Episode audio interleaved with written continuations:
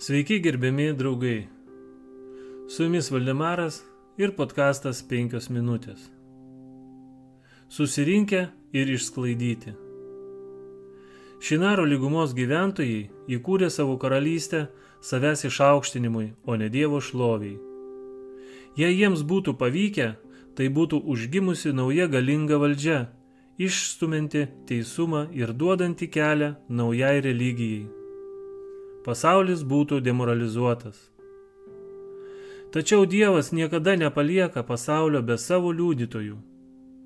Tuo metu žmonės, kurie pasižemino prieš Dievą, meldėsi.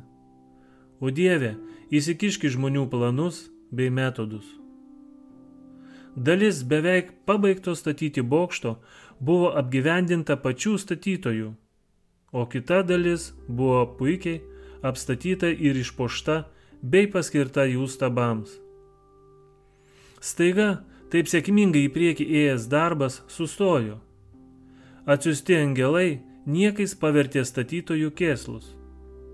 Bokštas jau buvo iškilęs aukštai ir buvo neįmanoma viršuje esantiems darbininkams tiesiogiai bendrauti su apačioje esančiais. Žmonės buvo išdėstyti tam tikrose lygiuose, kad galėtų perduoti žemiau esantiems žinias apie reikalingas medžiagas ir kitus nurodymus dėl darbo. Kai kalba buvo sumaišyta, vieno žmogaus kitam perdodama žinia taip pat susimaišė, dėl to buvo prašoma medžiaga, kurios nereikėjo, o gauti nurodymai dažnai buvo visiškai priešingi duotiesiems. Kilo sumaištis ir siaubas visas darbas sustojo. Iki šiol visi žmonės kalbėjo tą pačią kalbą. Dabar tie, kurie galėjo suprasti vienas kitą kalbą, būrėsi kartu. Vieni pasuko vienu keliu, kiti kitu. Taip, tad viešpats išsklaidė juos iš ten po visą žemės paviršių ir jie metė statę miestą. Pradžios 11 skyrius 8 eilutė. Šis išsisklaidimas tapo priemonė žemės apgyvendinimui.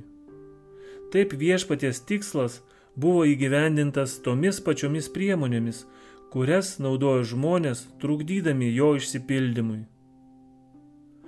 Mūsų dienomis viešpats trokšta, kad jo žmonės būtų išsisklaidę po visą pasaulį, susibūrę vienoje vietoje jie negali gyvendinti viešpatė sumanimų.